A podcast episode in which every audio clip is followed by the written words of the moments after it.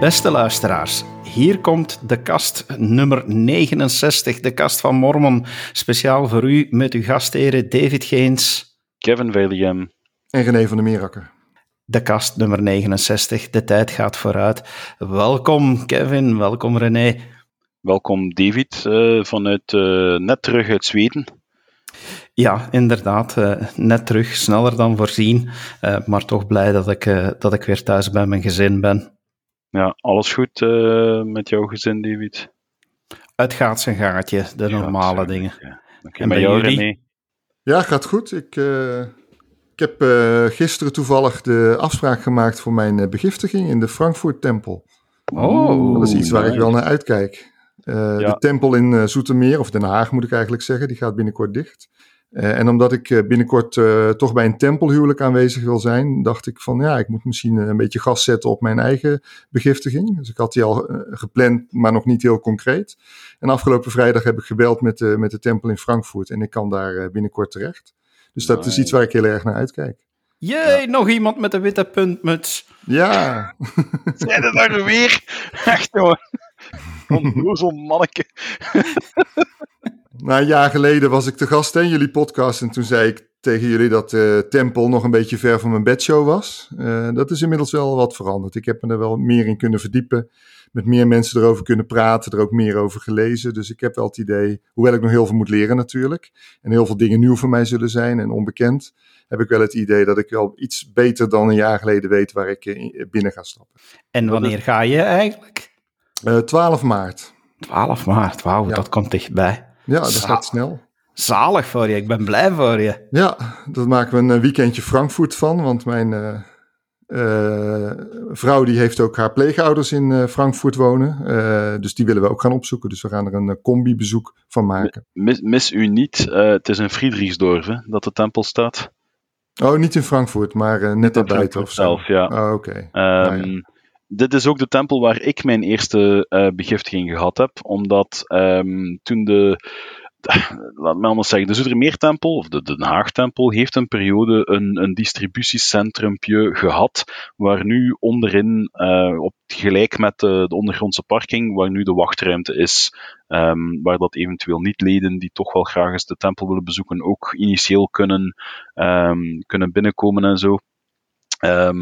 En toen ik mijn begiftiging ging halen, ja, dan denk ik was de, uh, de, de Haagtempel was er al, maar er was geen mogelijkheid om dan ook kledij aan te schaffen, terwijl dat de tempel in ja, uh, Frankfurt dat wel had. Die heeft een winkel, hè? Ja. Die heeft effectief, uh, had toch toen een, een, een, winkel erbij, waar je ja, van alles van kerkmateriaal kunt kopen en zo. Dat was natuurlijk wel een heel handige om op dat moment gebruik van te kunnen maken. En ik moet zeggen, René, echt, het gaat een ander gebouw zijn. Het gaat er van binnen uit, van, van toen, want het is volledig, ja, ze hebben het binnenin helemaal gestript. Volledig nieuw interieur, dus ik, ik weet niet wat je, wat je gaat zien exact van, van interieur. Um, maar ik kan jou wel vertellen over mijn eerste ervaring daar. Um, ik heb het in deze podcast wel al meerdere keren aangehaald, maar ik ben heel veel gepest geweest als ik jong was. Heel vaak het gevoel ik hoor nergens bij. En um, het, het, het, hele mooie was dat, ja, als je de sessie doet, kom je uiteindelijk op het einde van de sessie in de celestiale um, kamer, mm -hmm, celestiale ja. zaal terecht. Die zijn over het, al, allee, over het algemeen zijn altijd heel mooi aangekleed. Um, en ik weet nog dat ik daar binnenkwam en enorm het gevoel had van, hier ben je thuis, hier ben je welkom, hier mag je zijn wie je bent. En dat enorm gevoel van, ja, die liefde die over mij uh, stroomde, dat ga ik nooit vergeten. Ja, dus mooi. Ik, ik, ik, ik mag hopen voor jou dat je, dat je minstens een soort gelijke ervaring mag hebben. Ik kijk er naar uit. Ik was een paar weken geleden voor het eerst in de Den Haag-tempel om te dopen voor de doden. Dat vond ik ook al heel bijzonder trouwens. Maar ja, dan is er zo'n afgescheiden deel van de tempel waar je nog niet in mag. Hè? Daar wordt ook heel geheimzinnig over gedaan. Dus dat, uh, ja, dat ga ik nu eindelijk ook uh, bezoeken. It's ik ben heel benieuwd. It's not, ik, ik vertel it's niks. secret, ik it's niks. sacred. ja, wie weet. Daar hebben we het al, al genoeg over gehad. Hè. Uh, maar uh, wat, uh, wat vinden jullie van het feit dat we stilaan terug kunnen samenkomen op zondag? Ja, ik vind het heerlijk. De kerk, uh, ik was vanmorgen in de kerk en die was ook voller dan ooit. Voor mij dan, hè, want ik heb uh, pre-corona nooit meegemaakt in de kerk. Ja. Ik denk dat er een mannetje of tachtig was. En ja, ik vind het een verademing om weer veel mensen te ontmoeten en praatjes te kunnen maken. En hoeveel zusters waren er? Uh, ja, ik, zei, ik zeg broeders, maar ik, ik, bedoel broeders en zusters. Ik wil daar niet seksistisch in zijn. Nee, 80 ik... man slash vrouw. Ja, oké. Okay. Ja. Nee, top. Um, ja, ik vind het in ieder geval super dat we terug kunnen, kunnen samenkomen. Um, ja, wij zijn hier thuis getroffen geweest uh, met corona. We hebben er drie die uh, positief getest hadden. Dus wij gingen uit veiligheidsoverwegingen vandaag nog niet. Ondanks het feit dat ze al terug uit uh, het quarantaine zijn. Um, maar we hopen van volgende week gewoon terug op het present te zijn. Nu, ik vind wel, en dat wil ik toch ook eens heel duidelijk zeggen, dat ik wel begrip heb voor de mensen die beslissen om nu nog niet terug naar de kerk te gaan. Ik weet het, uh, het, het is enorm belangrijk om samen ons geloof te kunnen vieren en ik sta volledig achter de oproep van onze leiders om dat te doen. Maar tegelijk zeg ik ook, let op om niet te snel te oordelen over diegenen die, uh, die uh, om persoonlijke reden beslissen dat het voor hen nog niet kan. Uh, om nu het risico te lopen om terug in grote groepen te zijn. En dat doe ik uiteraard uit begrip voor mijn eigen vrouw onder andere. Dat heeft me toch ook weer geleerd om meer begrip te hebben voor anderen die omwille van gezondheid en zo er, valide reden hebben om te zeggen van jongens, ik ga nog even het laten aan mij voorbij gaan. En ik weet het, we, we hebben een, een fantastisch mooi geloof, maar we hebben ook, en dat moeten we ook durven erkennen, een cultuur waarin er soms toch heel snel over iemand iets wordt gezegd. Um, en, dus wil ik toch, toch even ook zeggen van, laat ons daar weer niet te snel oordelen, balk, splinter, uh, dat zijn dan de sleutelwoorden die, die mij opkomen. Ja, eens. Sommige mensen zijn gewoon kwetsbaarder, maar los daarvan kan, moet iedereen daar zijn eigen afwegingen maken. Het is daarmee, ik vind, ja, we, we houden altijd, hè, beste luisteraars, we houden altijd een praatje vooraf. En daarnet hadden we gewoon een schitterend idee dat het gewoon helemaal kan oplossen. Ik vind, eh, dit moeten we doorsturen naar de profeet. Er moeten veranderingen komen op dit moment aan onze kerkgebouwen. Er moet dus gewoon een drive-thru zijn voor het avondmaal. Geen happy meal, maar een uh, brood en water. Uh, En de, kinder, en de ja. kinderen krijgen nog een speeltje mee. Ook dat nog. Ja, ja, nou ja, stuur het op, David. Ik ben benieuwd naar de reacties vanuit ja, Salt Lake City. Ja, ja binnen, binnen, binnenkort uh, wordt David ontheven en uh, wordt er getwijfeld aan zijn mentale vermogens. En dat deden wij toch al, hè? Ik bedien hier de stopknop, hè, jongens. Nou, kom maar op dan. Nederlanders zijn een grote bek, hè, David. Oh, gaan we het zo spelen? nee, nee, nee, nee. Mag, mag, we gaan, zoals ik daarnet zei, we mogen niemand veroordelen voor zijn fouten. Nee, dat en René, René heeft er niet voor gekozen om Nederlander te zijn. Nee, ik ben ook maar zo geboren. Hè? Dat ja. weten wij niet, David. Voor hetzelfde geld in het voorbestaan. Ja, je mag kiezen waar je naartoe gaat. Wij weten niet hoe dat, dat eraan toe gaat. Hè? Misschien wilde hij wel Nederlander zijn, je weet dat niet. Ja, maar dat, dat, dat is uit Vlaanderen of Nederland. Dat, dat, dat kan dan toch niet met uh, confirmed consent zijn? Of informed consent? We weten allemaal dat het beloofde land in Vlaanderen ligt. Hè. Ja, Jacques Brel zong er al over. Ja. Hm. Ja. Uh, nee, volgens mij lag dat toch ergens Missouri, Jackson County? Nee, dat, dat, is het nieuwe Jeruzalem, hè, David. Ja, och ja, uh, laat, laat er ons uh, maar even mee lachen. Maar laat ons misschien, ik weet, uh, normaal gezien plakken we dat aan het einde, maar ik hou ervan om de boel af en toe eens om te gooien. Dan blijft het verfrissend ook voor onze luisteraars. Laat ons beginnen met de boekentip. En dan hebben we natuurlijk onze boekenworm. René, wat heb je voor ons gelezen? Ja, ik heb al een, een, boek gelezen, dat is volgens mij al een boek uit 2014, dus het is niet echt vers van de pers meer, maar voor mij was het wel nieuw natuurlijk. Het is een boek uh, geschreven door Robert Millet. Ik weet niet of jullie hem kennen. De naam hij, doet iets rinkelen, ja. ja hij is professor nee, nee. of Ancient Scripture uh, aan de Brigham Young Universiteit. Hij heeft ook een master gehaald in psychologie, geloof ik. Maar hij uh, is een veel, veel gevraagd spreker. Heeft heel veel boeken geschreven. Er zijn ook veel video's van hem op YouTube uh, te vinden. Allemaal over de kerk. Heel interessant om te zien. Het boek dat ik van, van hem gelezen heb, dat heet, een hele mond vol... Living in the Eleventh Hour, Preparing for the Glorious Return of the Savior, En het gaat over de wederkomst van, van Christus. En dat is nogal een zwaar onderwerp. Hè? Dat is niet iets waar je elke dag mee bezig bent. Maar ik vond het een heel interessant boek. Uh, ja, om even eerst iets, iets te zeggen over die wederkomst. Uh, ik ben zelf christelijk opgevoed, rooms-katholiek heel lang. En ja, dan leer je natuurlijk dat Jezus over het water liep. Hè? Dat Jezus uh, blinden kon laten zien, mensen kon laten genezen, ook zelfs doden kon laten opstaan. En uiteindelijk ook zelf uit de, uit de dood kon opstaan.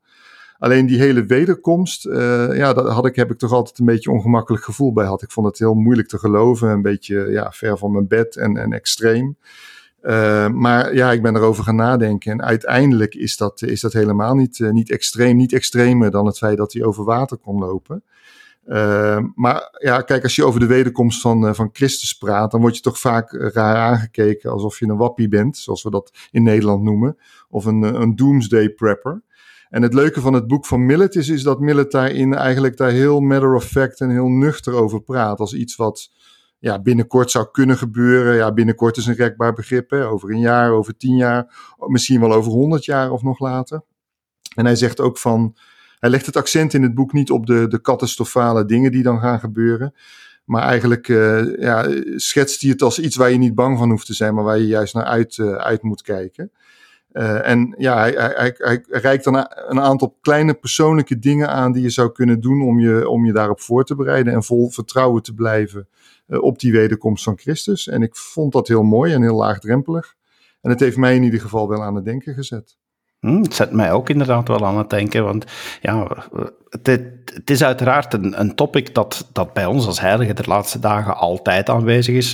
De laatste dagen, we beseffen dat maar al te goed. Uh, What's in maar dat, name?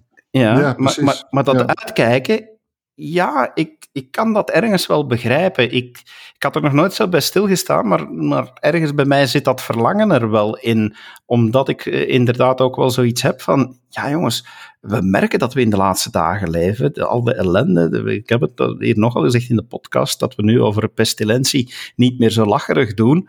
Uh, ja, die wederkomst betekent dan wel dat ook een mooie tijd gaat aanbreken. Hè? Ja, dus, uh, oorlogen en geruchten van oorlogen, Oekraïne, Rusland. Um, het, is, daar ook stevig aan uh, van Jetje aan het geven.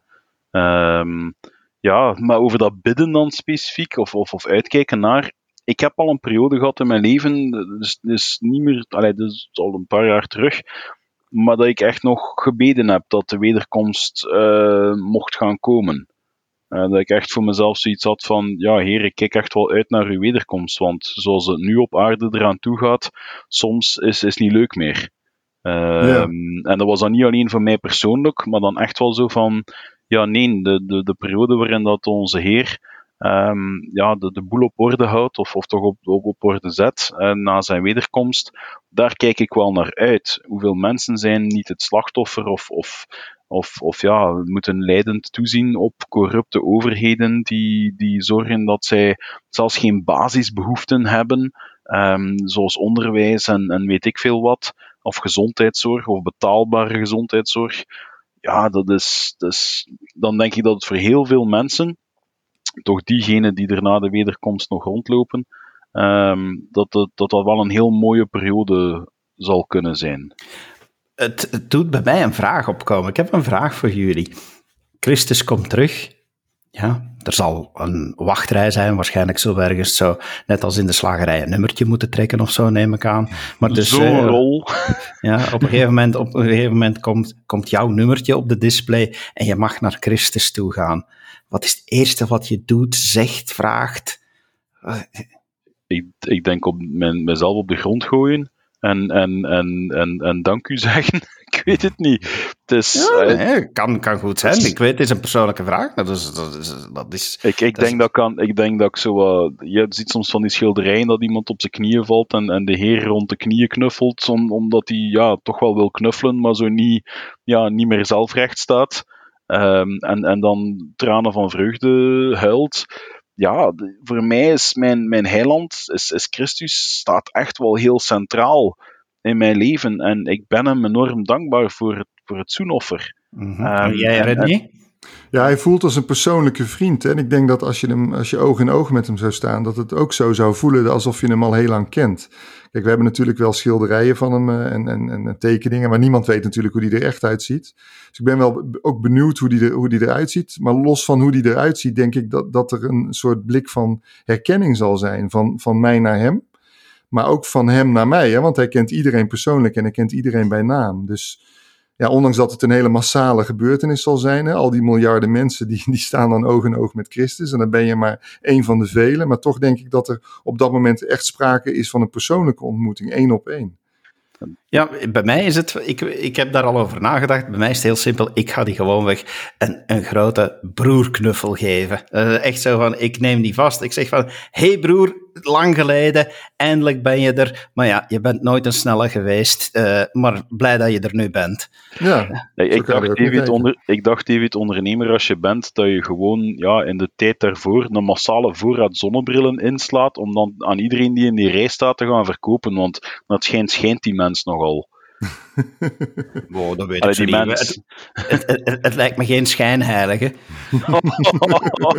oh, dacht ik dat ik om mijn flauw mopje was afgekomen.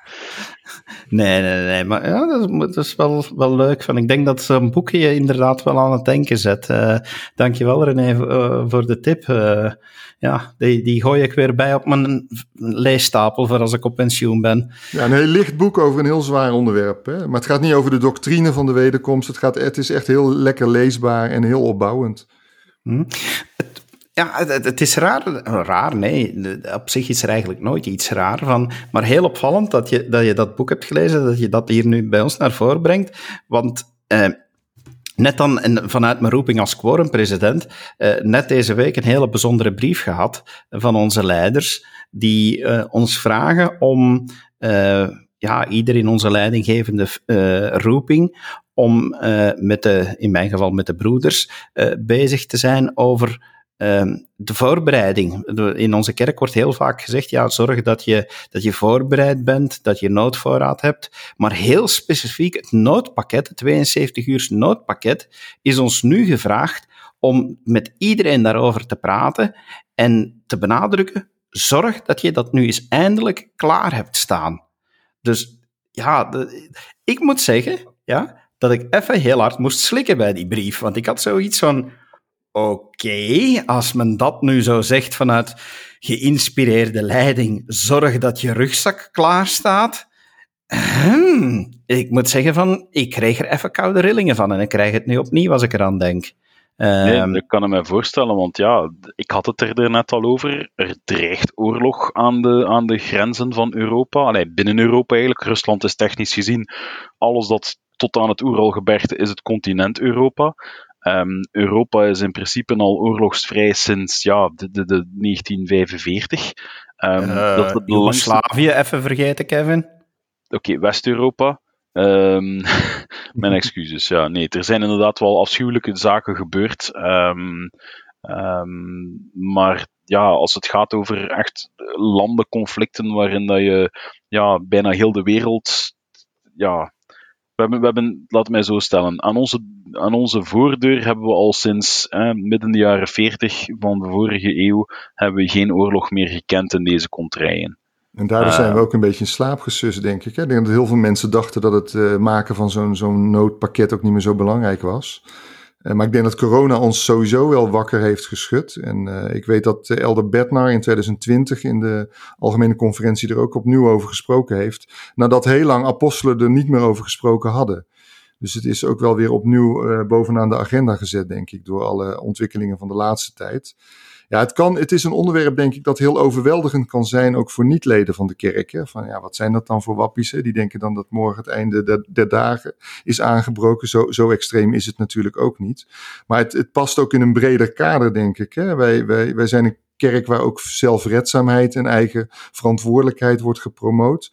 Ja, daar past, dit, daar past dit in als een van de onderdelen. Het is niet het enige onderdeel, maar wij roepen ook op om een spaarpotje te, te vormen voor moeilijke tijden, om een jaarvoorraad aan te leggen nou, en een netwerk van vrienden waar je op kan terugvallen in tijden van nood. Ja, dan is zo'n noodpakket voor de eerste 72 uur maar één van de, van de bouwstenen daarvan. Ja, en het straffen daaraan ook is van, ja, we denken nu, ah, oorlog, dat zal de reden zijn. Maar ik kan u vertellen dat de mensen in Luik, die daar zo die extreme wonderstromen en een, en een woning tot, tot twee verdiepen onder water, ja, dan wil je ook dat je een vluchtpakket klaar hebt, dat je woning kunt ontvluchten, dat je toch iets bij hebt, hè totdat de hulpverlening op, op poten komt. Inderdaad, ja. Wisten jullie trouwens dat, er, dat wij uh, effectief daar een folder voor online hebben staan op onze website? Uh, oh, dat wist ik niet. Ja, zeer interessant. Ik ben, ben dus even gaan graven, omdat ik dacht, ja, als ik binnenkort wat, uh, wat, wat broeders moet beginnen over aan te spreken, moet ik zorgen dat ik, uh, dat ik er toch wat, wat meer van weet. Er staat zelfs eigenlijk een heel mooie opsomming in uh, wat, er, wat er in een noodpakket hoort. quiz. Noem eens wat er volgens jullie in het noodpakket moet inzitten. Nee, Kevin, leg die gsm opzij, niet spieken. ja. Um, ik had nog niks gezien, um, nog niks. Um, kledij bijvoorbeeld, ondergoed, kousen. ja, over het algemeen toch minstens één, want stel dat het s'nachts gebeurt dat je woning moet ontvluchten, dat je toch niet in je pyjama buiten staat.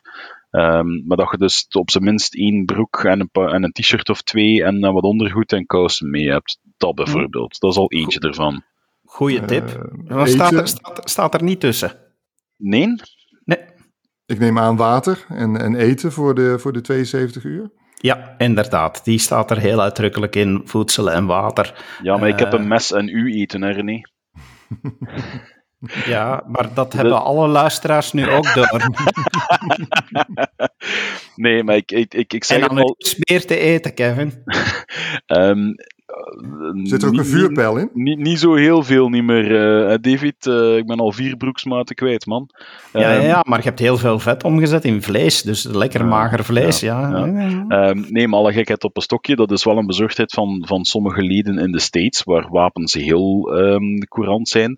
Ja, ik heb al leden gehoord, of, of, of jongens op zending, die zeiden van ja, hè, als ze dan vertelden of hoorden van hè, mensen die dan, ja, maar ja, hè, um, dat, dat sommige niet-leden zo online wel eens durven zeggen van ga, noodverraad, ik hoef geen noodverraad te leggen, het stikt hier van de mormonen en ik heb genoeg wapens.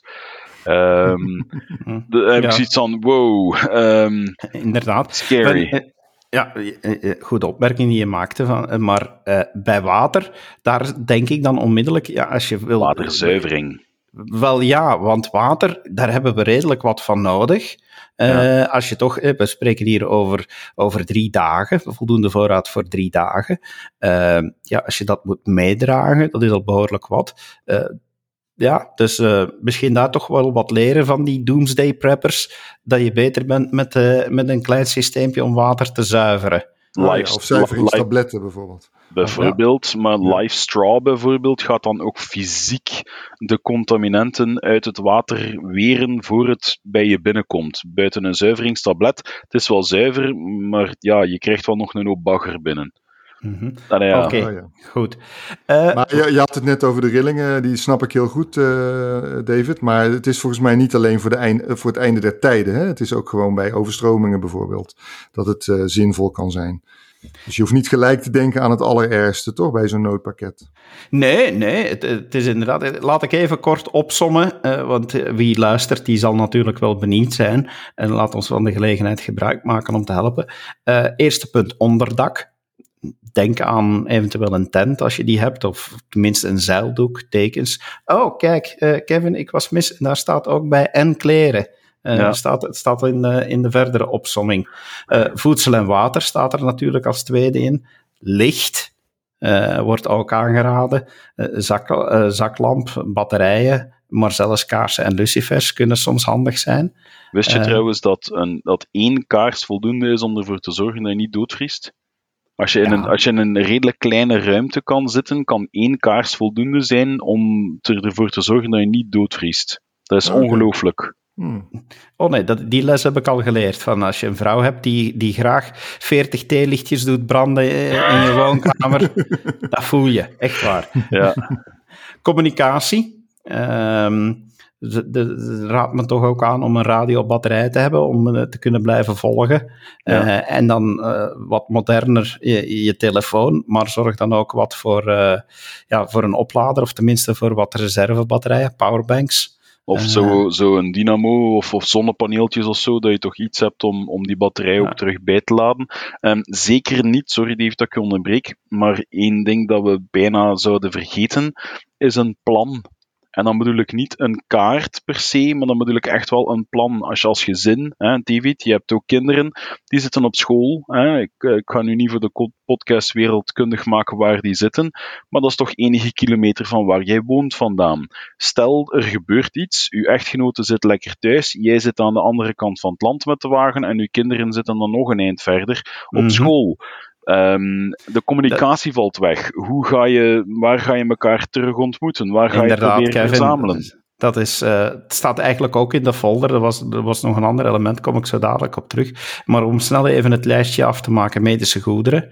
eh, zorg dat je wat eh, ontsmettingsmiddelen mee hebt. Dat je in deze tijden ook mondkapjes, Medicatie. Stel je dat eigen, je, je eigen medicatie, inderdaad, een Mhm. EHBO-set. Eh, geld, wat contant geld of voorwerpen van waarde. Want misschien komt er wel een situatie waarin geld niks meer waard blijkt te zijn. dat Maar dat je toch eh, eh, dat je moet ruilen. Mhm. Eh, denk ook aan je belangrijke documenten, onder andere je eigen identificatie, maar ook aan eigendomsbewijzen, zeker van je onroerend goed. Wie weet eh, kan je na een paar dagen terug naar je huis, maar moet je wel gaan bewijzen, hey, dat is van mij. Eh, dus dat eh, wordt toch ook aangeraden.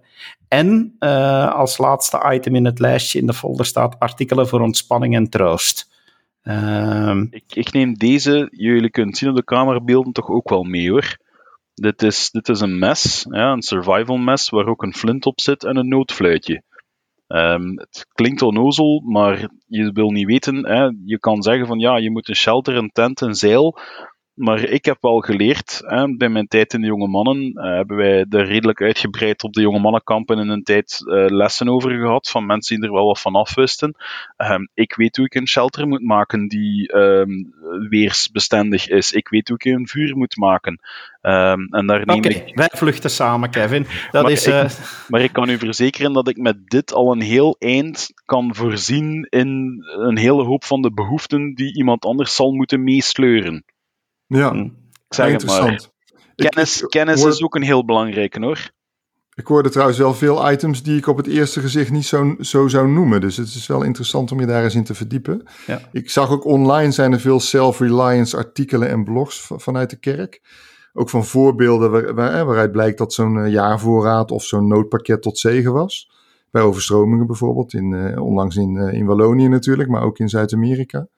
Dus eh, ja, ik denk dat het wel goed is als, voor iedereen als je daar eens wat meer in gaat verdiepen. Ja, en net Zonder dat zoals je Kev- gelijk het ergste veronderstelt. En Kevin merkte het goed op. Eh, het begint allemaal met het opstellen van een goed plan, een goed noodplan.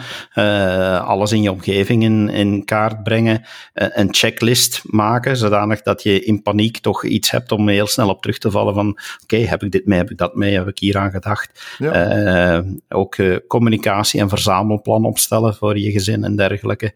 En dus ook een goed noodpakket samenstellen waar we het net over Ja. hadden. Dus eigenlijk wel heel interessant. Ik, ik- Ik zal de link naar die, naar die flyer eh, bij de show notes zetten. Eentje, eentje die ik zeker ook kan aanraden. Ik heb me dat een tijd geleden gekocht en ik, ik bewaar dat ook eh, bij die. allee, mijn, mijn pakket moet ik eigenlijk. Ik ben er zelf ook niet, niet schitterend in. Ik heb een aantal dingen hier en daar liggen. En als ik echt nu moet vluchten, dan heb ik ook meer dan de helft niet mee voor wat ik mee moet hebben. Ehm, dus ik moet er zeker aan werken. Ga ik ook aan werken. Zeker met deze oproep. Ehm, maar een van de dingen die ik mij een tijdje geleden aangekocht heb, ik bewaar het in een, in een waterdicht etui, is een pocketversie van het SCS Survival Book. Want als je moet vluchten en je zit in een situatie waar je denkt van, goh, hier zitten toch wel veel konijnen, maar je weet niet hoe je een strop moet, moet maken om zo'n konijn te vangen. Ja, ehm, als het internet plat ligt, als alle infrastructuur gefaald is, dan hoop ik toch dat je een hardcopy bij hebt van informatie die je leven kan redden. Ehm, dat is ook een goed idee. Al is, al is het maar noodsignalisatie. Hè? Er is Ja. een overstroming, je zit op een eiland, allee, of, of, of ingesloten, je ziet een helikopter vliegen, hoe ga je die signaliseren? Hoe ga je die afschieten en zo? Ja, inderdaad. Ja, goed eh, punt. Het handboek staat op mijn telefoon, maar ik realiseer me nu dat ik daar weinig aan heb als we geen stroom meer hebben. Eh, inderdaad. eh. Of als en, eh, waar, waar ik nu aan dacht ook, wat dat ik zeker moet hebben, is een rugzak. Want het is leuk van al die spullen te hebben, maar ik heb niks om ze mee te nemen. Dus eh rugzakje moet ik ook halen. Ja, Ik, ik, ik bedenk dat Mary Poppins heel veel geld zou kunnen verdienen aan die oneindige zak van haar. Maar dat zo echt alles in past in één tas. Ja, dat lijkt me nog redelijk draagbaar ook. Dus, uh, ja, maar ze heeft, ze heeft die verkocht aan Harry Potter. Nee, aan Hermelien. Ah, aan Hermelien, ja. Douwe Dabbert, die heeft toch ook zo'n knapzak? Of kennen jullie dat niet in Vlaanderen? Douwe, Dabbert. Ja, dat was zo'n kabouter met een oneindige knapzak op zijn rug. Ah, oké. Ah, dat, is, dat is ook handig zo. Een zakje waar altijd eten blijft uitkomen. Oké, dat zouden we moeten hebben. Ah, goed, oké. Okay. we kunnen er wel uh, ook wat over grappen en grollen. En uh, goed dat we dat kunnen doen. Maar toch, uh, ja, het, het, feit dat die, dat die oproep nu gekomen is, vond ik toch even belangrijk om blijven bij stil te staan. Absoluut. Oké, okay, next point. René, jij bent niet alleen een lezer, maar ook een luisteraar. Dus ja, ik weet het, ja, jij, bent echt zo diegene zo dan die, die alles uitpluist. Gelukkig dat we jou aan boord hebben hier nu tegenwoordig bij de podcast. Uh, maar een, een podcast-tip, die, die heb je ook weer voor ons. Ja, ik, heb, uh, ik luister veel naar, uh, naar podcasts. er is een hele leuke podcast die heet Dit is de Bijbel van de Evangelische Omroep is die. Uh, hele interessante eh, podcast om de Bijbel te leren kennen. Uh, allerlei verschillende thema's en invalshoeken worden, worden besproken. Ze gaan in op de bekende, maar ook wel de moeilijke te doorgronden aspecten. En ook, ook controversiële onderwerpen worden niet geschuwd. Nou, onderwerpen als bijvoorbeeld: is de, is de Bijbel historisch betrouwbaar? Heeft bidden zin? Heeft de Bijbel een antwoord op het lijden? Weet je wel, dat soort vragen. Heel interessant. Uh, diezelfde presentator, David Bogaert, die heeft ook een andere podcast, een spin-off podcast. Die is misschien nog wel leuker. En dat eh, heet de Ongelooflijke Podcast. En dat, dat gaat, die podcast gaat over, ze zeggen zelf, de relevantie van het geloof in een steeds ongeloviger Nederland. Het zijn verdiepende gesprekken met allerlei verschillende gasten uit allerlei hoeken. Ongelovigen, katholieken, moslims, iedereen komt aan bod. En elke week levert dat een echt inhoudelijk en heel inspirerend gesprek op. Uh, heel soms hebben ze het ook over uh, de mormonen. En ik heb al een paar keer gemaild en appjes gestuurd van wat jullie daar zeggen klopt niet helemaal en nodig nou eens een keer een echte uh, mormoon uit. We noemen die trouwens al niet eens meer zo. daar hebben ze nog niet op gereageerd, maar misschien wie weet komt er ooit nog eens een keer iemand van onze kerk ook aan, aan bod. Een leuke podcast met heel veel afwisselende onderwerpen. Je hebt, je hebt gewoon gelijk, René. Schitterend idee. We, moeten uitreiken. En de beste manier om uitgenodigd te worden bij iemand, ja, ook met vrienden, als je denkt van, oh, ik zou graag nog eens gaan eten bij Kevin, ja, dan uh, is de beste manier eerst Kevin bij jou uitnodigen. Want dan gebeurt er wederkerigheid. Dus waarom nodigen we niet iemand van die podcast bij ons uit, in onze nou, dat podcast? Dat is een goed idee. Ja, daar ga ik me hard voor maken. Voilà. Ja. Goed idee. Ik uh, ga daar eens uh, in, in duiken. Ja. ja. In die zin ook heel leuk. Uh, ja, ik pik graag op, op dingen in. Maar uh, ik, ga, ik ga het anders doen. Uh, René, jij bent, jij bent nog een jonkie wat lidmaatschap betreft. Ik zou het zo Broekie, ja. net iets er langer in. Maar we hebben hier natuurlijk een, een, een, een bejaarde eigenlijk al bijna zitten wat, wat, wat lidmaatschap betreft. Kevin, Hallo. Hoe denk, hoe denk jij over het symbool van het kruis? Um, ik vind dat een beetje een rare reflex. Um, stel, je hebt een hele goede relatie met je vader. Hè? Um, ik weet dat dat niet voor iedereen een given is. Uh, ik heb wel een goede relatie met mijn vader. Stel dat iemand mijn vader zou vermoorden, ga ik niet het moordwapen in mijn living ophangen. Om hem te gedenken. Um, dus ik heb altijd een beetje een rare reflex gevonden van heel veel christelijke denominaties. Niet dat ik da, daar, daarop neerkijk, niet dat ik dat, dat afkeur. Maar ik heb het een beetje een rare reflex gevonden om eigenlijk zijn, het moordwapen van Christus overal te gaan ophangen. Um, ik zou het dan nog bijna beter begrijpen, moest je een soort van grot met een ronde rollende steen ervoor, moest je dat uh, als een soort van beeldhouwwerkje of een prent gaan ophangen, dat eerder te verrijzen is. Akkoord, ja, Christus is voor ons gestorven. Maar uh, zijn zoenoffer werd voltooid aan het kruis maar ik denk dat wat hij meegemaakt heeft in de Hof van Gethsemane mogelijk nog belangrijker was dan, ja, ik, ik wil niet vervallen in een in dit was belangrijker, dat was belangrijker. Mm -hmm. Maar ik vind gewoon, ik vind het een rare reflex om, om dat kruisbeeld. En, en ja. ook in die kerken, daar hangt zo'n massale stervende Christus aan dat kruis. En ik snap Katholieke dat dat. Veel, bijvoorbeeld, mm -hmm. ja. Um, ik heb dat nooit begrepen. Ik heb nooit begrepen waarom dat, dat het centrale beeld van Christus zou zijn dat je hebt. Ja, dus eigenlijk zeg je laten we zijn martelwerktuig niet verheerlijken, hè? want dat is wat er gebeurt dan.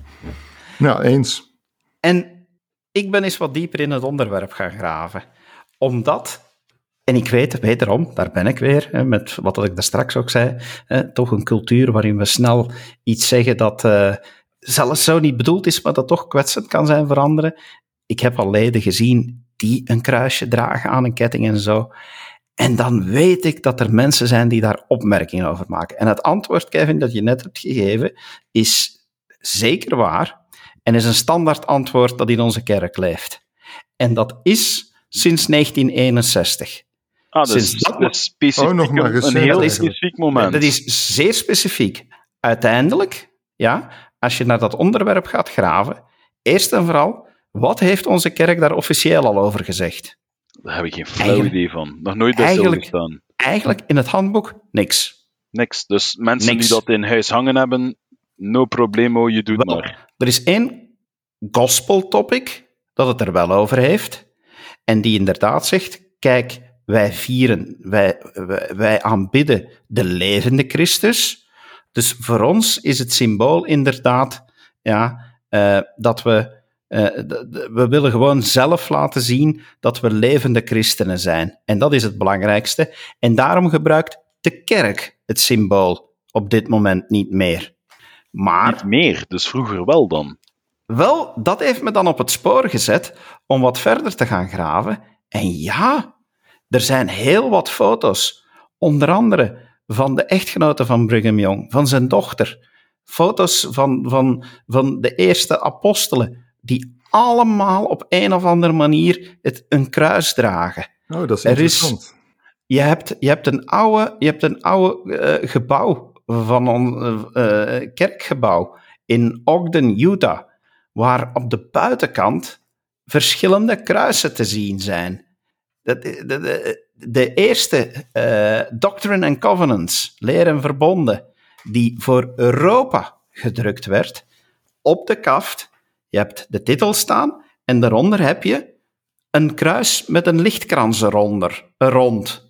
Maar dus terwijl, terwijl, het overlijden van Christus in de leren verbonden niet beschreven wordt. Allee, toch, het gaat niet uitgebreid nee, het verhaal van de kruisiging. Je, je, ziet dat dat symbool... Je hebt dan, je hebt dan onder andere... Uh, je, je, hebt grafstenen van, van, uh, van pioniers waar het, waar het kruissymbool op staat. Maar er is een grote verandering gekomen. Eh, ik zeg het officieel, uh, wordt er zeker niks gezegd over het dragen van een kruisje, dat het ontmoedigd wordt. Het wordt ook niet aangemoedigd, er is gewoon niks over. In 1961, en dat is een van de weinige dingen die je er kan over vinden, heeft elder Joseph Fielding Smith er wel over geschreven. En die heeft dan letterlijk geschreven wat jij daarnet zei, uh, Kevin. Ja, ja, had, uh, had onze Heer gedood geweest met een zwaard of, uh, of een dolk, uh, moesten we daar dan mee rondlopen? Het zou maar raar zijn om, om, om eigenlijk verering te geven aan het wapen waarmee Christus gedood werd. Ja, zo, en zo zie je maar hoe ik bepaalde informatie van heel lang geleden zonder het te weten eigenlijk, ja, ik ga niet zeggen gewoon opnieuw herkou, maar ja, ik, ik, ik ben het daar wel mee eens ik, ik, ik blijf het een raar reflex vinden. Ik weet niet, dan mocht het een symbool zijn in onze kerk, dat ik het niet toch nog altijd iets raar zou vinden. Ja, en het klopt ook. En ik zeg het, ik, ik bestrijd je mening helemaal niet. Maar het is weer iets, hè, we hebben het al vaker in onze podcast gehad, over het verschil maken tussen doctrine ja. Eh, en wat onze leiders gezegd hebben en zegt, dit moet je doen en dit moet je niet doen. En wat wij denken dat daartoe behoort. En dit is duidelijk zo'n voorbeeld. Ja. Want, maar voor een ongeschreven regel wordt het dan wel behoorlijk consequent toegepast. Dat vind ik dan wel bijzonder. Ja, maar dan vind je toch ook bijvoorbeeld wel uh, conferentietoespraken waar ook naar gerefereerd wordt, maar in positieve zin. Een ouderling die op een gegeven moment meemaakt wat ik daarnet al beschreef. Die zegt, ja, oké, op een gegeven moment was ik uitgenodigd bij de doop van een jong meisje. En ze komt toe en ze draagt een mooi kruisje. En haar grootmoeder komt ook toe, die was uitgenodigd, ja, en die draagt ook een kruis. En onmiddellijk zijn er leden die zeggen, ja, die bij wijze van spreken bijna zeggen van, hoe, ga naar buiten en doe dat uit. Dit kan niet, dit kan niet, dit kan niet. Mm, ja. En die mensen waren, reflex. Ja, en die mensen waren gekwetst. En dan, ja, heeft die ouderling, ja, die heeft dan gevraagd wat het symbool voor hen betekende. En voor hen was het, ja, oké, dit is het symbool. Uh, ja, zij kwamen uit een, uit een protestantse omgeving. En daar wist ik ook niet, ook weer bijgeleerd. Daarmee dat ik daar straks even verbeterde zei, ja, een groot kruis met een stervende Christus op. Typisch katholiek, want bij protestanten is het gewoon het kruis. Er hangt geen Christus op. Ja, ja. Want blijkbaar, bij protestanten is er heel bewust gekozen om enkel het kruis af te beelden en te laten zien dat Christus er niet meer op hangt. Dat hij ervan ja. verrezen is. Dus voor hen heeft het van, van het offer dat Christus gebracht heeft. En ook van de, van de verrijzenis van Christus en dus een levende Christus. Ja. Die ouderling trouwens, die heeft uit sympathie beginnen, die heeft dan, uh, die heeft dan gezegd van blijf maar dragen. En die heeft zelf twee uh, manchetknopen gekocht in de vorm van een kruis en draagt die sindsdien elke zondag. Okay. Uh, dus, uh, maar, maar ook om maar weer eens te laten zien van, ja, we moeten toch soms weer, weer opletten van, om snel te oordelen en te veroordelen. Nou, David, Ik... we, we, hebben het er ook al over gehad. Hè. Je hebt sommige van die lieden die er keihard op hameren. U, het avondmaal mag je alleen maar met je rechterhand nemen. Hè dat ik zoiets heb van, jongens, nee, nee, nee, daar gaat het hem niet om. Dat is niet daar de essentie. gaat hem niet om. En daar was het ook een kwestie van, dan worden er ook weer toespraken aangehaald waar dan een van de leiders ooit een keer gezegd heeft van, ja, maar eigenlijk zou je dat best zo doen. Maar dan hebben we het er in de podcast ook al over gehad. Iets wordt pas doctrine, iets wordt, wordt pas wet op het moment dat het geratificeerd wordt, of, of, of ondersteund wordt, beter gezegd, door het eerste presidium en het quorum van de twaalf apostelen unaniem. Alle vijftien die broeders moeten zeggen: dit is vanaf nu doctrine. En zolang dat niet door alle vijftien ondersteund wordt, is het geen geschreven wet. Inderdaad. Waar ik trouwens na mijn bekering heel erg aan moest wennen, was om niet uh, een kruisje te slaan uh, voor en na het bidden. Dat was, dat was echt wennen voor mij. Ik was zo gewend vanuit de katholieke kerk om een kruis te slaan uh, voordat ik ging bidden. En als ik klaar was met bidden, dat ik dat heel onwennig voelde om dat niet te doen ja, je hebt mensen die, die steeds hè, met de handen tegen elkaar gevouwen uh, wensen te bidden. Je hebt mensen die, die, die de handen in elkaar slaan en zo bidden. Um, bij ons in het jeugdwerk, in, in, in, de, in, in, in onze eigen lokale unit, was dat steeds van ja, de armen vouwen hè, en in uw hoofd buigen en zo bid je. Maar ook dat ja, ik heb reflexen gezien van elders, die, die mijn collega's waren op zending, die ja, een, een, een onderzoeker begint te bidden en, en houdt zo het typische zijn handen zo hè, tegen elkaar gevouwen en buigt dan het hoofd. En die zegt, ja nee, nee, je moet je armen vouwen. Ik zeg, dat, dat, dat is geen leren, jongens. Niemand heeft ooit gezegd, dat staat nergens in ook maar één handboek, dat je je armen moet vouwen omdat je gebed zou tellen, hè.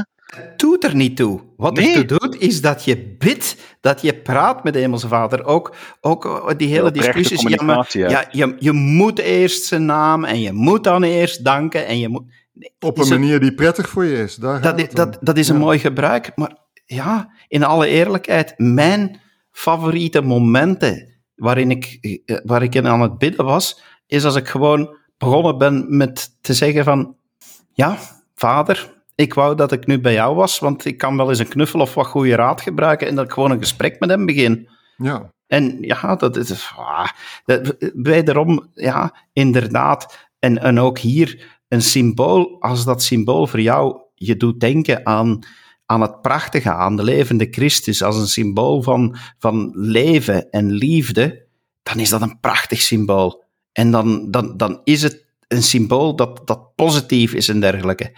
Als het inderdaad, zoals voor jou, Kevin, iets is wat je doet denken aan het, aan het gruwelijke in het leven van Christus, aan het feit dat hij gestorven is, dat hij mishandeld is, ja, dan is het voor jou geen leuk symbool en dan kan je het beter niet gebruiken. Maar ik, ik, het heeft mij echt aan het denken gezet. Ja, nee, ik, ik, ik, ik heb ook categoriek gezegd in het begin, als, als ik mijn uitleg begon van, ik veroordeel of, of oordeel toekoer geen leden die dat nog altijd gebruiken. Hè. Doe maar, hè. Um, persoonlijk, dat, dat is mijn mening en blijkbaar een mening die ik ook een beetje met de paplepel mee ingekregen heb, maar wat ik mij wel mee, mee kan vinden. Is dat ja, voor mij is dat zo een beetje een rare reflex om, om dat marteltuig dan. Want ja, in Vlaanderen, in tegenstelling tot in Nederland, ja, als je niet katholiek bent, ja, en, en niet de andere uh, standaard uh, godsdiensten zoals moslim of jood, want daar hebben de gemiddelde Vlaming heeft daar wel alles van gehoord. Ja, dan ben je een rare, hè? Want, want, want niemand in Vlaanderen heeft ooit gehoord, allee, op een aantal uitzonderingen na, van de Baptisten bijvoorbeeld, of de Methodisten, of, of, of, of, uh, of de Protestanten. Daar hebben ze allemaal nooit van gehoord. Ze hebben wel al gehoord van getuigen van Jehovah, en over het algemeen weten ze niet eens dat dat christenen zijn. Allee, ja, dus... Ja, Ik, ga, ik ga om af te sluiten nog één ding meegeven. Ja, ja, en waarschijnlijk gaan jullie het niet weten, dus de vraag beginnen met: wisten jullie dat? Ja, maar iedereen weet toen de pioniers aangekomen zijn in Salt Lake Valley, dat na een tijdje dat men zei van oké, we moeten er toch een symbool oprichten om dat hele speciale moment te herinneren. Ensign Peak, zoals het nu bekend staat. Wel, de eerste keuze die gemaakt was, en die men voorgelegd heeft toen aan profeet Brigham Young en die hij goedgekeurd heeft, was een kruis. Men wilde daar een ah, kruis zetten. Ja, ja, en het, het is geen kruis geworden om twee redenen. Omdat sommige leden zeiden, eh, doet te veel denken aan, aan, aan het katholieke. Je moet rekenen, er zaten veel leden die om een of andere reden gevlucht waren van hun oude geloof, letterlijk gevlucht uit Europa en dergelijke. En ten tweede, omdat er daar ook al enkele rabbijnen aanwezig waren en die dan zoiets hadden, ja, voor ons is dat wel kwetsend, want ja, je, je weet, hè, zoals Joden, er tegenover staan, is dat. En daarom is het geen kruis geworden. Maar de eerste keuze toen voor het symbool dat men wilde gebruiken en waar heel uitdrukkelijk werd gezegd, want dan kunnen wij laten zien dat in tegenstelling tot wat anderen denken, wij ook christenen zijn. Ja, ja zo zie je hoe dat ja, En, en is, is dat dan, en zijn piek, is dat dan, de, de, this is the place, dat Brigham Young uitkeek over de vallei en zei van, hier gaan we ons nu eindelijk kunnen vestigen? Ja. Dus je ziet maar, cultureel en geschiedenis, soms heel interessant om, om in te duiken. Eh, eh. ja, ja, dank je voor het delen, David. Heel interessant. Ja, zeker. Goed, ik denk dat we weer heel wat op tafel hebben gelegd. Uh, dus uh, laten, we, laten we stilaan afsluiten. Uh, ja, het was weer leuk. Ik vond het leuk om met jullie te praten. Ik vind het altijd leuk om met jullie te praten. Super, goed. Kevin, wil jij nog eens de mensen vertellen hoe ze ons kunnen bereiken? Absoluut. Zeg het maar at dekastvanmormon.info um, via onze Facebookpagina de kast van, uh, de kast van Mormon. Uh, de kast van info, ja, alblieft. Ik heb het al te veel gezegd. Um, de, de kast van Mormon kan je ons ook op onze Facebookpagina vinden. Um, en René, David en ik zelf zijn ook op sociale media actief. Um, dus dan kan je ons daar ook steeds uh, terugvinden om ons vragen te stellen. Die we trouwens ook heel graag van jullie ontvangen. Uh, we doen niks liever dan vragen van luisteraars beantwoorden. Um, mag je ons steeds mee uh, over aanspreken. En laat ons zeker ook weten wat je vindt van onze podcast. Um, dat vinden wij ook steeds heel fijn om feedback te krijgen. En dan rest ons jullie nog een uh, hele fijne dag toe te wensen, uh, waar of wanneer je dit ook mag beluisteren. En mogen het goed met u gaan en God zijn met u. Dankjewel. Tot, tot de volgende keer. allemaal. En tot Dag. Dag.